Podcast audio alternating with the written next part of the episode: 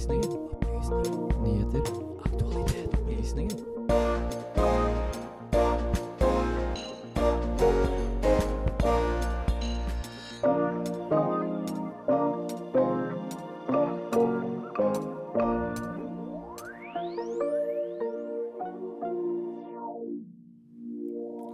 En stor amerikansk dokumentlekkasje får følger for utenrikspolitikken. Nå har FBI arrestert det de mener er gjerningsmannen. I de ellers uvennlige Serbia og Kosovo får de drahjelp fra EU, og har landet en ellevepunktsplan for normalisert forhold. Er konflikten i ferd med å løses? Selv i det velfungerende demokratiet Norge hører vi stadig snakk om eliter i alle former og fasonger. Vi stiller det vanskelige spørsmålet er elitisme uunngåelig? 15 ansatte ved Russlands ambassade i Oslo beskyldes for etterretningsaktivitet og begjæres utvist. Hvorfor skjer det nå?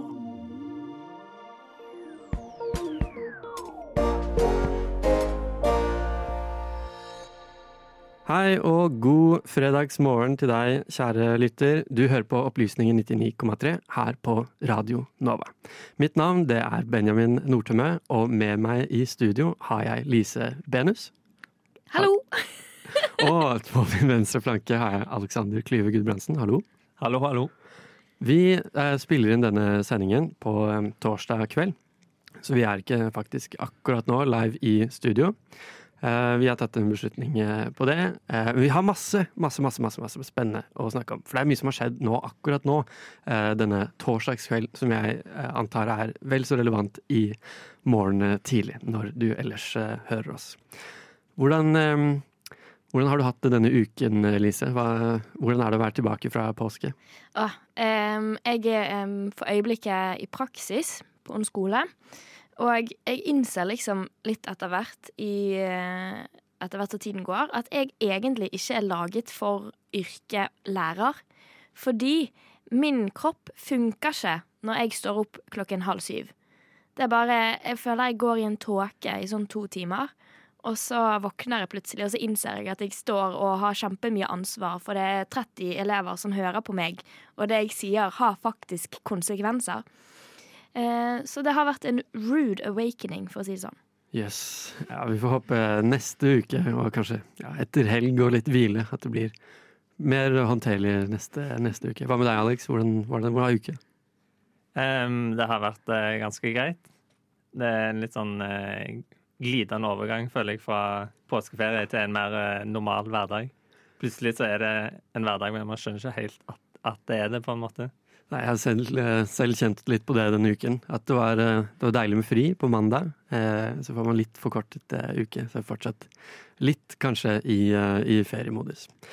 Vel, eh, vi skal ikke skravle så mye, så mye mer, men du, skal nemlig, du skal nemlig få høre en låt. Perhaps you would like a marmalade sandwich. I always keep one for emergencies. So do I. I keep mine in here. Opplysningen. Perfekt til syltetøysmørbrødet.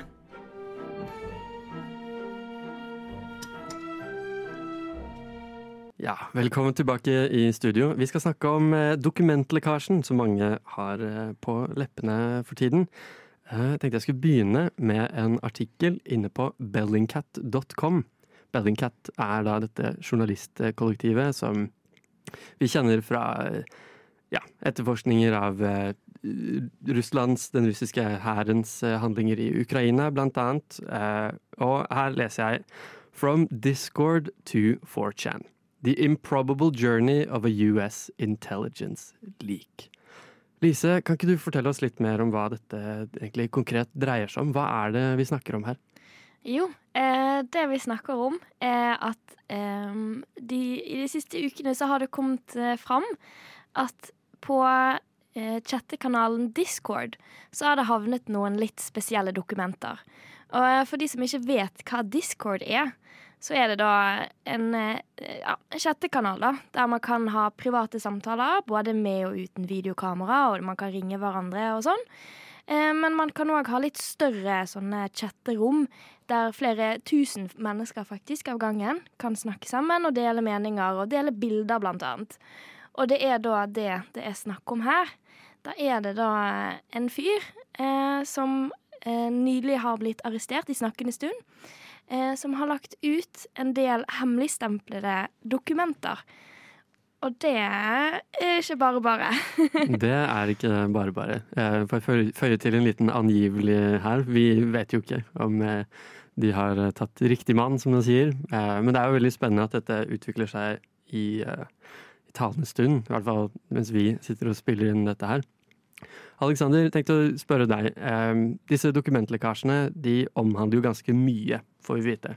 Så det er jo eh, amerikanske etterretningsfolk og etterretningstjenester som har samlet inn data og laget rapporter fra mange masse ulike land og konfliktsoner.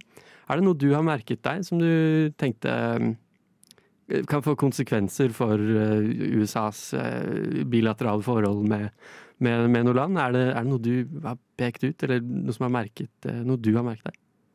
Um, det er jo kanskje fristende å tenke at det vil kunne få et, en viss eh, konsekvens for forholdet til Russland, med tanke på det som har eh, kommet fram om eh, Ukraina og støtten dertil, annet at det skal være eh, spesialsoldater eh, visstnok inne i Ukraina. Nå husker jeg ikke om eller hvor mange som var amerikanske av de.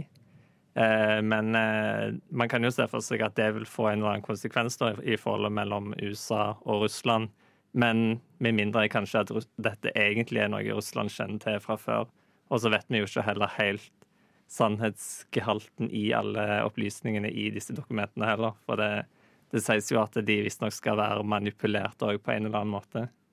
Ja, det er det som gjør det litt usikkert om eh, Ja, du brukte et fint ord her. Sannhetsgehalten i eh, innholdet. Om det kan være manipulert, eh, deler av eh, informasjonen. Eh, Lise, ser du Ja, jeg ville bare legge til eh, til det du sa. Jeg leser fra Nettavisen her nå, da. At det er 14 eh, spesialsoldater som angivelig skal være eh, på ukrainsk territorium. Ja. Ja, riktig. Det, Men de- det vil jo i så fall være eh, sammen, vil jo sammenfalle med det vi har hørt om at eh, vestlige militære styrker eh, tilbyr opplæring til ukrainske eh, forsvarsfolk.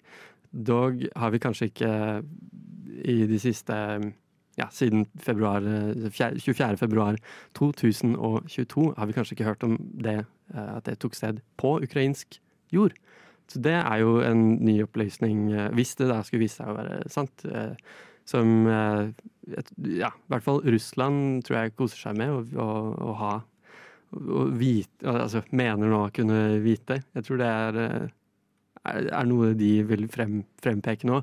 At å, nå har jo nå har jo Nato gått inn i, i Ukraina, ikke sant? Da har jo, det får plutselig deres eh, forklaring ja, mer vekt, i hvert fall i deres egne øyne. Alex, har du noen kommentar på det? Ja, jeg skulle til å si at det er jo kanskje noe som Russland kan tenkes å på en måte misbruke da, i sin propaganda, som jo fra før er litt sånn at dette er en krig som Nato fører mot Russland, eller enn at det er en krig Russland fører mot Ukraina, omtrent. Så nå kan jo kanskje Russland prøver å bruke det her til å si at det, ja, mens Nato er jo i Ukraina, sånn som vi har sagt hele veien. Selv om, hvis det da skulle stemme at disse spesialsoldatene er i Ukraina, så er det snakk om at de er langt fra frontlinjene, som jeg forstår det, og ikke deltar i noen kamphandlinger. Men mer sånn som du var inne på med opplæring av eh, ukrainske soldater. Men det, og det har vi jo kjent det har foregått utenfor Ukraina, i Storbritannia blant annet. Men ja, det nye er jo at det da, det da tydeligvis, ifølge dokumentene i hvert fall, òg skjer i Ukraina. ja. Så kan vi lære her også av eh, BBC, som eh, videreformidler noen uttalelser fra eh, Pentagon, altså det amerikanske forsvarsministeriet, hvor de kaller eh, lekkasjen en eh, seriøs eh, risiko for Amerikas nasjonale sikkerhet, og at de, ja, Det hvite hus eh, sier de også tar det eh, extremely seriously, som det heter. Eh, president Biden derimot har eh, på sin side sagt at de eh, klassifiserte dokumentene ikke kompromitterer eh, i stor konsekvens Amerikas etterretningsarbeid. Så det syns jeg er interessant. Her ser vi litt forskjellige varianter. Eller det kan virke som det er veldig mange eh, tolkninger og varianter og forklaringer ute og går på eh, disse dokumentene. Også de som vi var inne på tidligere, med troverdigheten, hvor sanne de, de er. Vi hørte jo at eh, Russland i eh, Dmitrij Peskov, altså eh, Vladimir Putins eh, offisielle pressetalsmann, først hevdet at dette var ja, rett og slett forfalskede dokumenter. I hvert fall deler av materialet. Og så fikk vi høre at ukrainske, ukrainske myndigheter også mente det var deler av innholdet som var forfalsket. Og så hører vi nå mange forskjellige Mange forskjellige ja, forklaringer, rett og slett. Pent fortalt. Lise? Ja, uh, for da tenkte jeg bare å kunne skyte inn med Oi, beklager. det er et av de dokumentene som gjorde at mediene på en måte fikk øye opp for at dette lå ute på internett.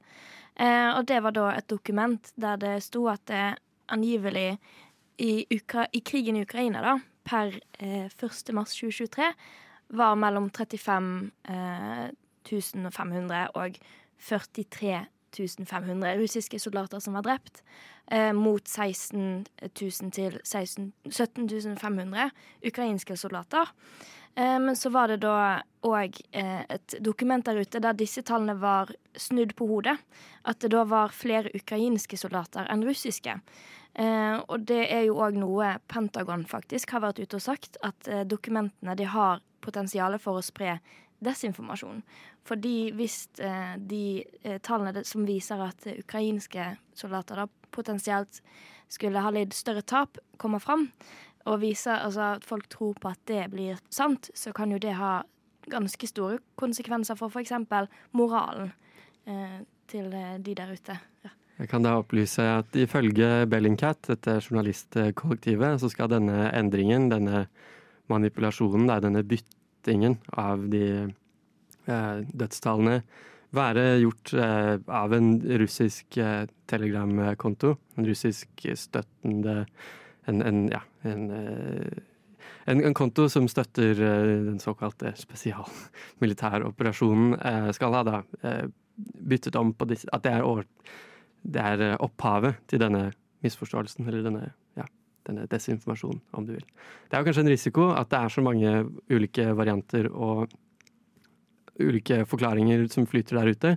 Vi vet jo at vestlige eh, myndigheter, i hvert fall tidligere i krigens forløp, har eh, publisert offentlig eh, sine eh, ja, publisert offentlig uh, informasjon for allmennhetens uh, gode. Så det gjenstår da å se om det vil komme mer uh, sånne intelligence briefings da, for den øvrige verden, for oss som ikke er i etterretningsmiljøet. Om vi vil se mer av det Eh, nå i kjølvannet av disse lekkasjene. Jeg tror det blir, vil bli snakket mye om disse lekkasjene fremover, så det er sikkert eh, mye å lære stadig. At vi sitter nok ikke på den fulle og hele sannheten.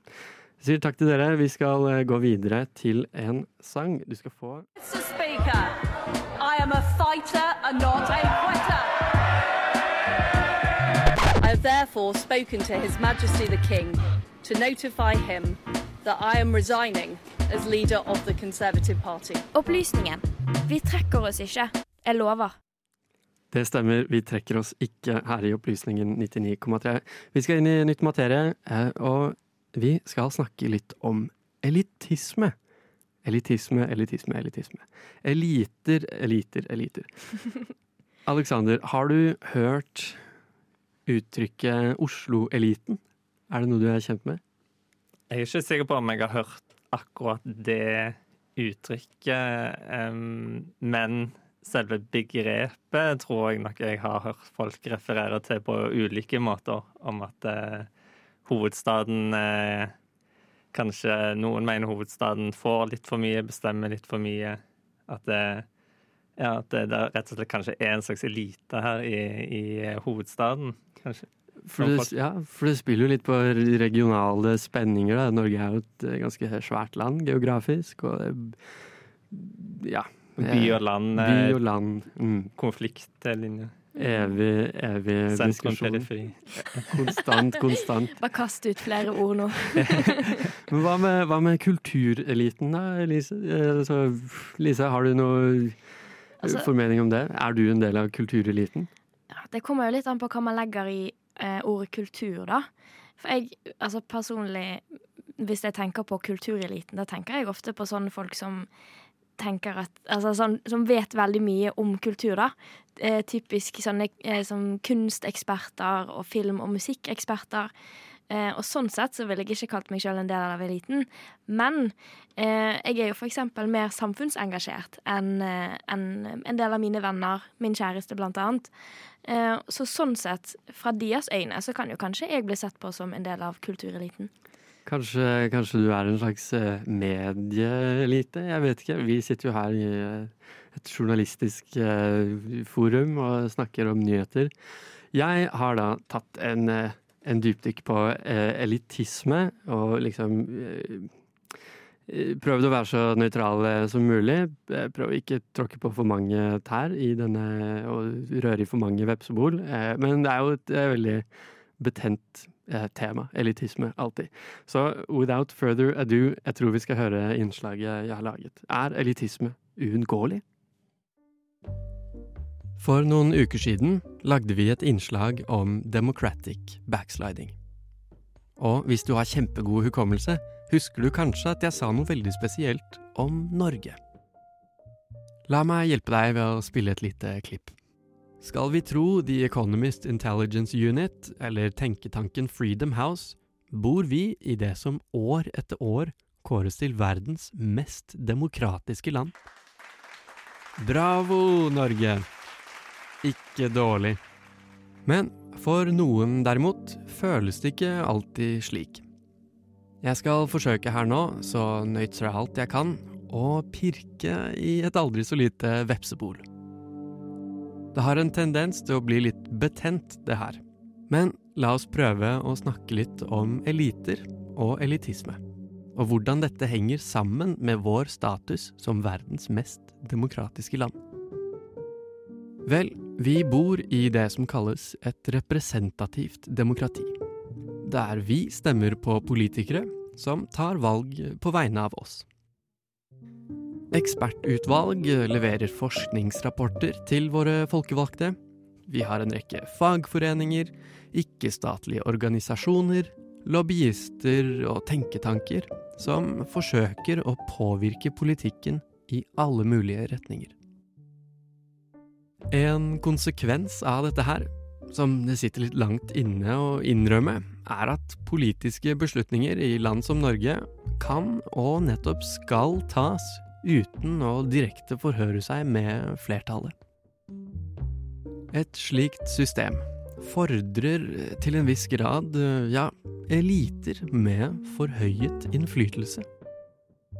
Det kommer nok ikke som en bombe at dette kan det bli kontroverser og polemikk av. Du finner det på alle politiske fløyer. På høyresiden, i sentrum, på venstresiden, i sør og i nord, i debattinnlegg og lederartikler i avisen, nemlig elitekritikk. Det vi ikke klarer å være enige om, derimot, er hvem disse elitene er til enhver tid. Du har kanskje hørt uttrykk som Oslo-eliten, kultureliten, utdanningseliten, klimaeliten, rikingene osv. Rett før vi tok påskeferie, fikk regjeringens aupairforbud være slagmark for sin egen elitismediskurs. Aupairordningen legges ned. Vestkantslaveriet avvikles. Slik lød overskriften i en mye lest VG-artikkel. Fra venstresiden, og særlig fagforeningene, hevdes det at en økonomisk elite, altså overklassen i Norge, bruker aupairordningen til å utnytte billig arbeidskraft fra Filippinene. I Aftenposten, derimot, signerte 467 nåværende og tidligere au pairer et debattinnlegg mot forbudet, med kulturell utveksling som hovedargument. Helt uavhengig av hva du syns om aupairordningen og kvaliteten som har vært i debatten, ser vi et klassisk eksempel på hvordan elitedynamikk former problemstillinger. Men vi vet at disse dynamikkene, om du vil, eh, forandrer seg over tid. Så vi i 2023 snakker trolig mindre om utdanningseliten enn våre forgjengere gjorde. I året 1960 var 0,002% av den norske befolkningen eh, studenter på universiteter og høyskoler.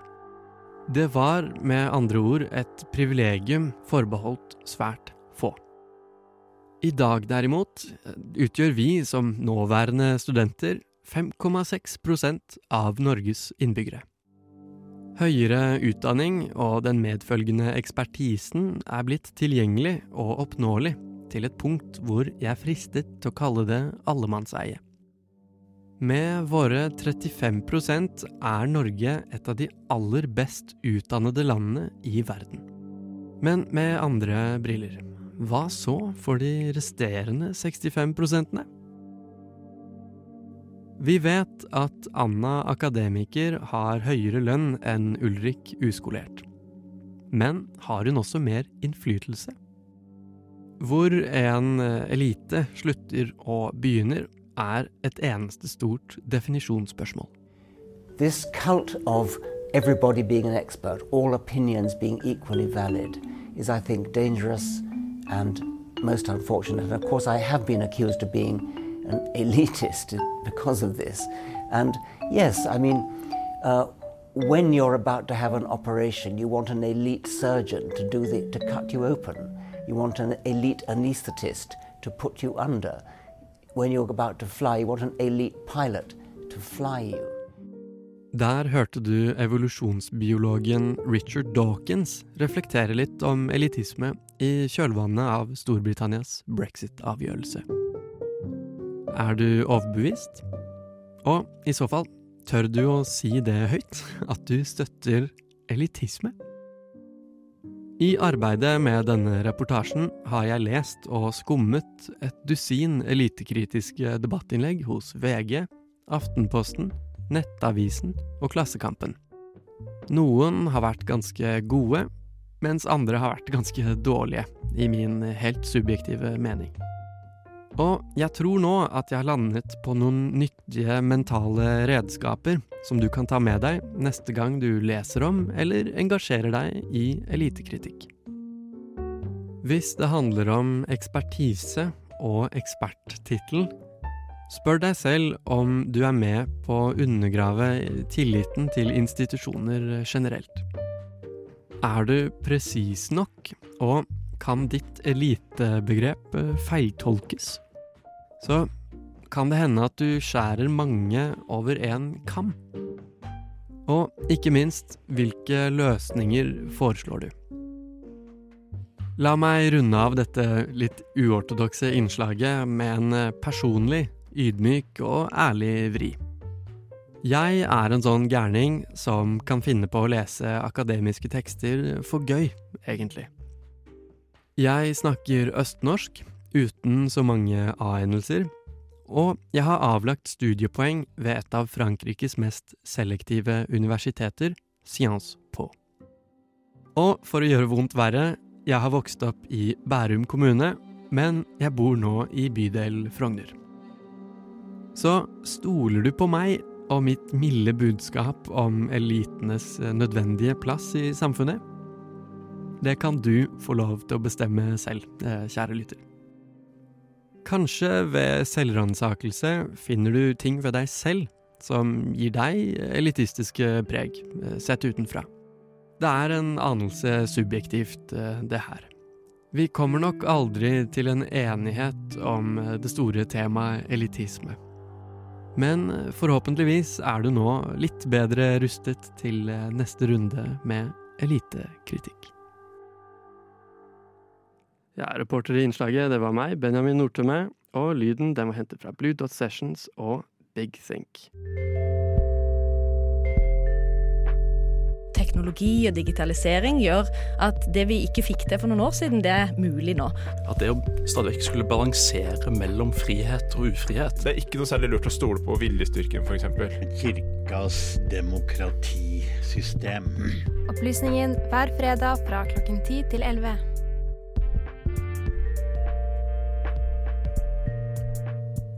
Vi tar turen fra studio her i Oslo til Balkan, det store Balkan. Sør-Europa, altså. Vi skal snakke litt om Serbia og Kosovo. To eh, land, to stater. Eh, avhengig av hvem du spør. Ja. Eh, Alexander, hva kan du fortelle oss om eh, litt eh, shaky forholdet mellom Serbia og Kosovo? Ja, Kosovo erklærte jo uavhengighet fra Serbia i 2008, så det er jo allerede 15 år siden. Men eh, fortsatt så anerkjenner ikke Serbia Kosovos uavhengighet i det hele tatt, og har sagt det kommer de heller aldri til å gjøre.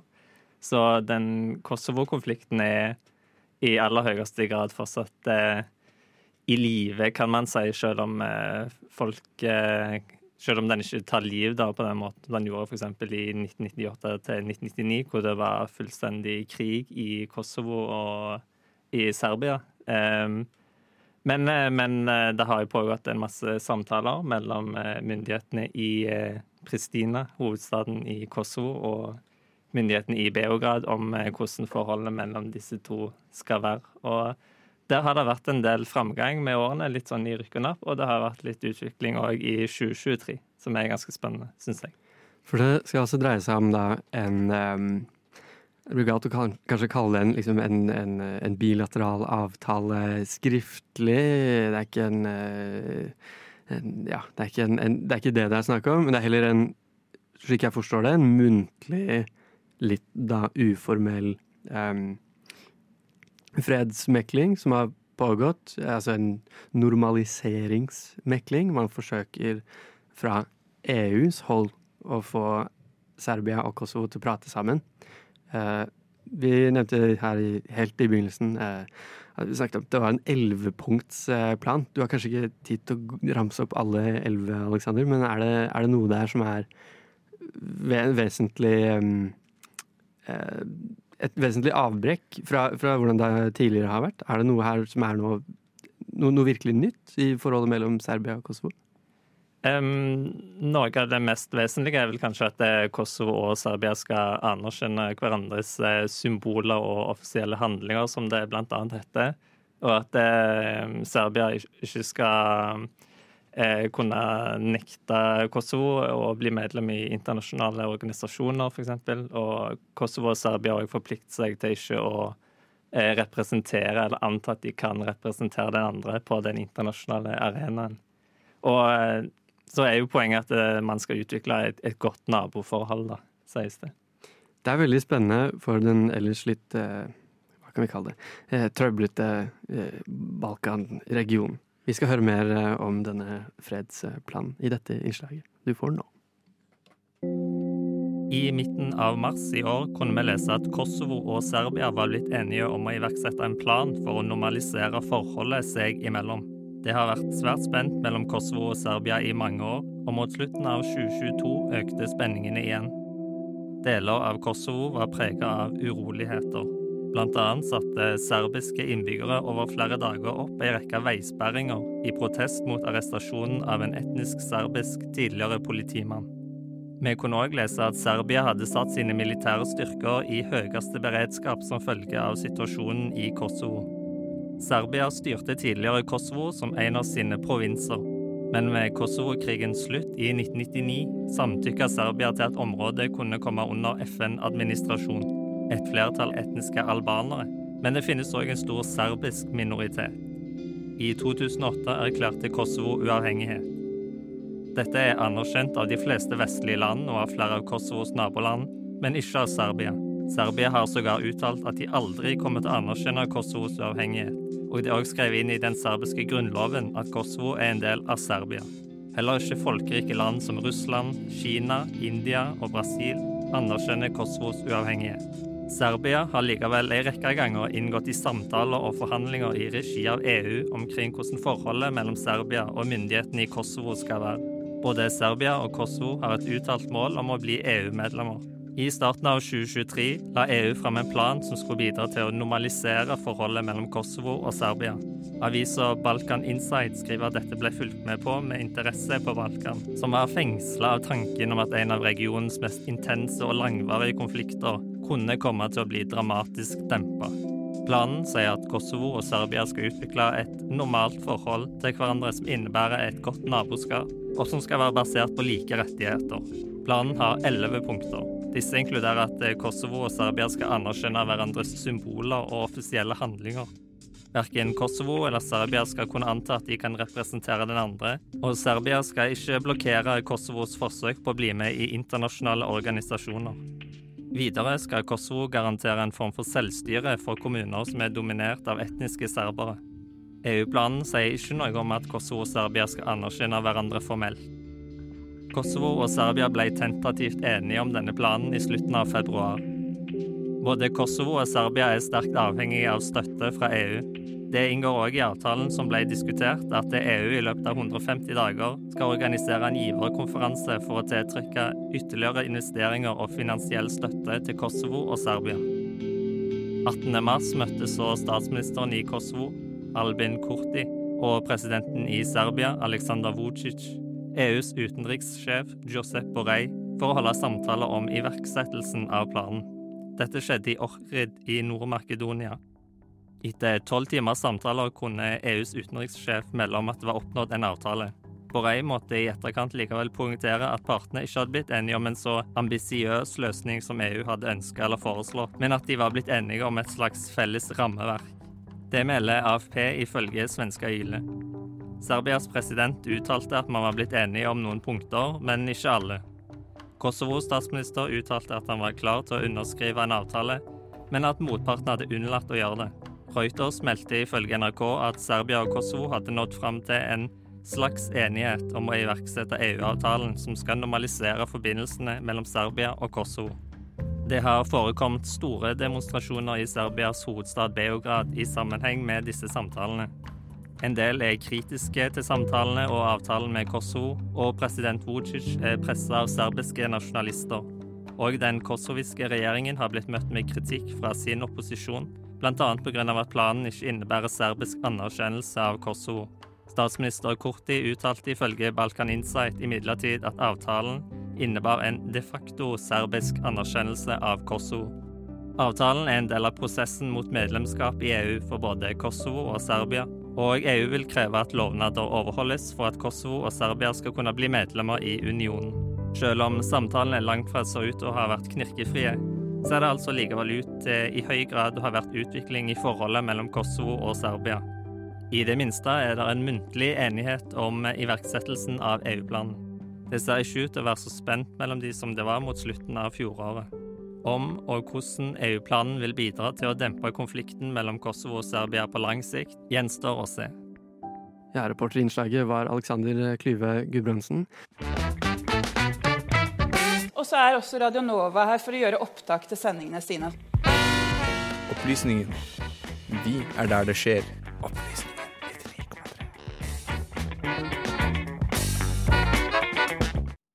Ja, vi er litt tilbake i tematikken eh, Russland. Som du sikkert eh, har fått med deg ved tidspunktet du hører, eh, hører oss eh, prate nå, så ble det da torsdag klokken tolv erklært, jeg leser fra regjeringen.no, at 15 etterretningsoffiserer ved Russlands ambassade i Oslo erklæres uønsket i Norge. De bruker da ordlyden etterretningsoffiserer og ikke diplomater, som da er vanlig at folk er på ambassader. Det er veldig spennende. Det er veldig merkelig um, Det er merkelig å få nyheter servert uh, som dette. Det er kanskje ikke helt utenkelig. eh, ja, sammenfaller jo med, med nyheter som er eh, i, i, mediebildet generelt. At det er dårlige diplomatiske eh, bånd mellom eh, vestlige land og Russland. For å ikke foregripe for mye, skal vi faktisk altså høre på hva eh, utenriksminister Anniken Huitfeldt hadde å si da hun var i pressekonferansen. Det russiske regimet har mobilisert store ressurser. Regimets aggressive atferd overfor andre land er uforenlig med våre sikkerhetspolitiske interesser. Med dette som bakteppe så blir denne russiske etterretningsvirksomheten mot Norge noe vi må reagere kraftig på. Så er det viktig for meg som utenriksminister å understreke. Vi ønsker diplomatiske forbindelser med Russland. Dagens beslutning endrer ikke på dette.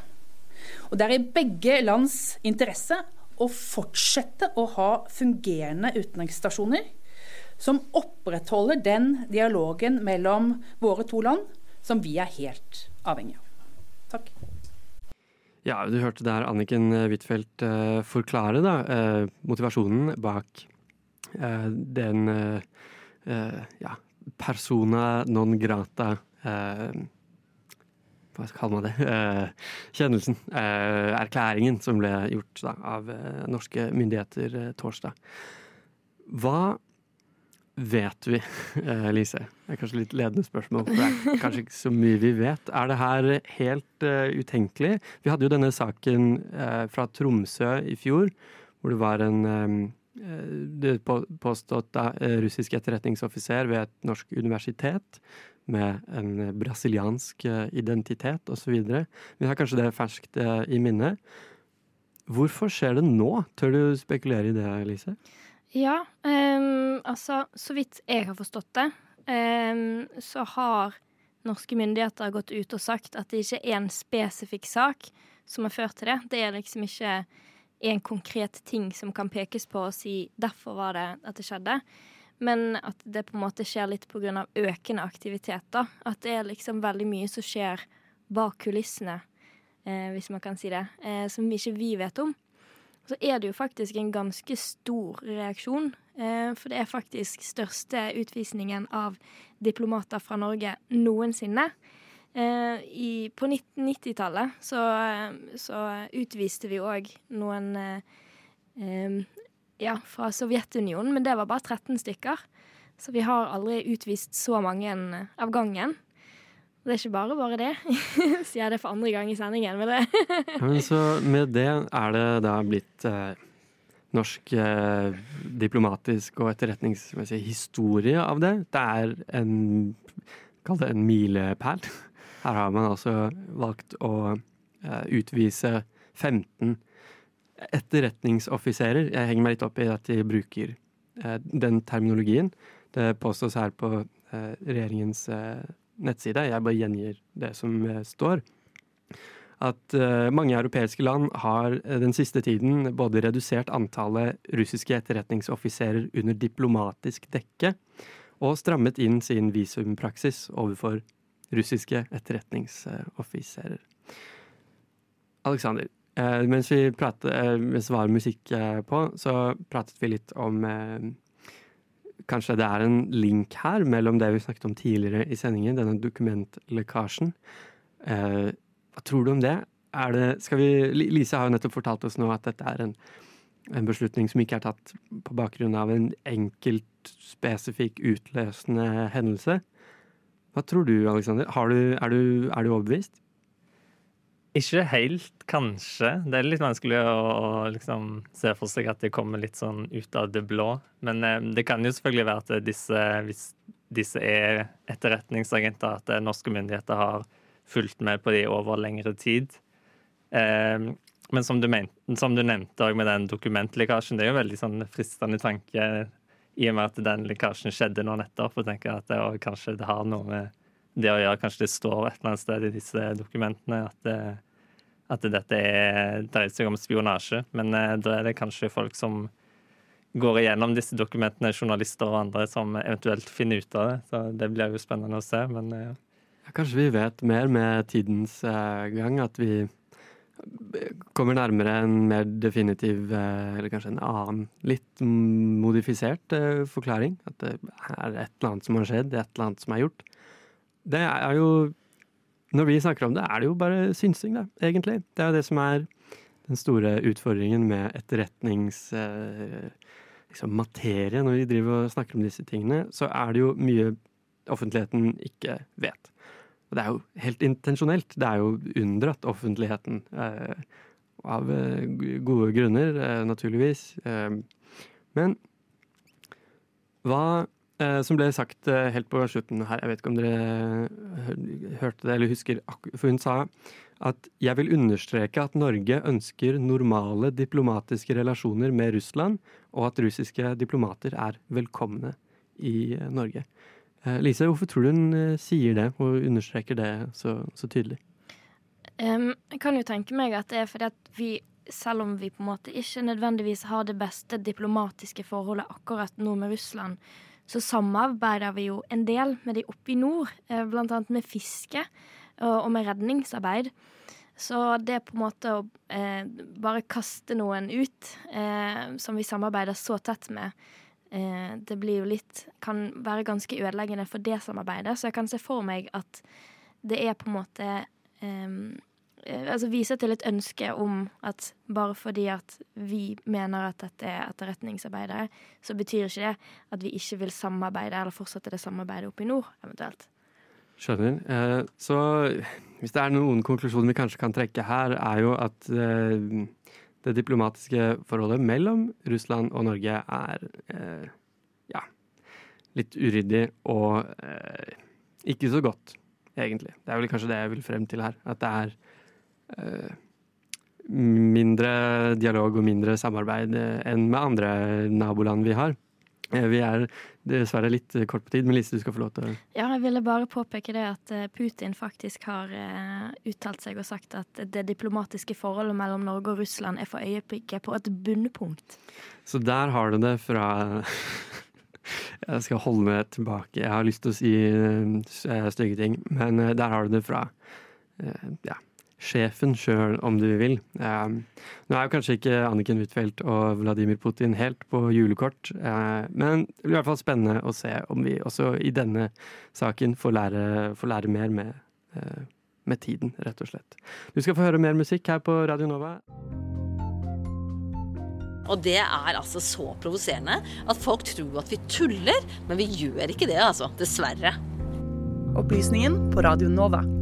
Aldri redd, alltid balansert. Vi har kommet til eh, sendingens uh, sluttpunkt. Uh, vi takker, takker, takker for at dere har vært med oss og hørt på sendingen. Jeg har vært Benjamin Nortemø som sendingsansvarlig her, og med meg i studio har jeg hatt Lise Benest og Alexander Klyve Gudbrandsen. Veldig lett for meg å ta denne introduseringen også, for de medvirkende i denne sendingen har vært oss tre. Benjamin Nortemø, Alexander Klyve Gudbrandsen og Lise Benus. Du hørte lyd fra Blue Dot Sessions, Big Think og eh, regjeringen.no. NO. NO, regjeringen.no i dette, eh, denne episoden. På vei ut i helgen. Håper du får en eh, fin helg. Vi ønsker dere en God helg fra oss her i studio.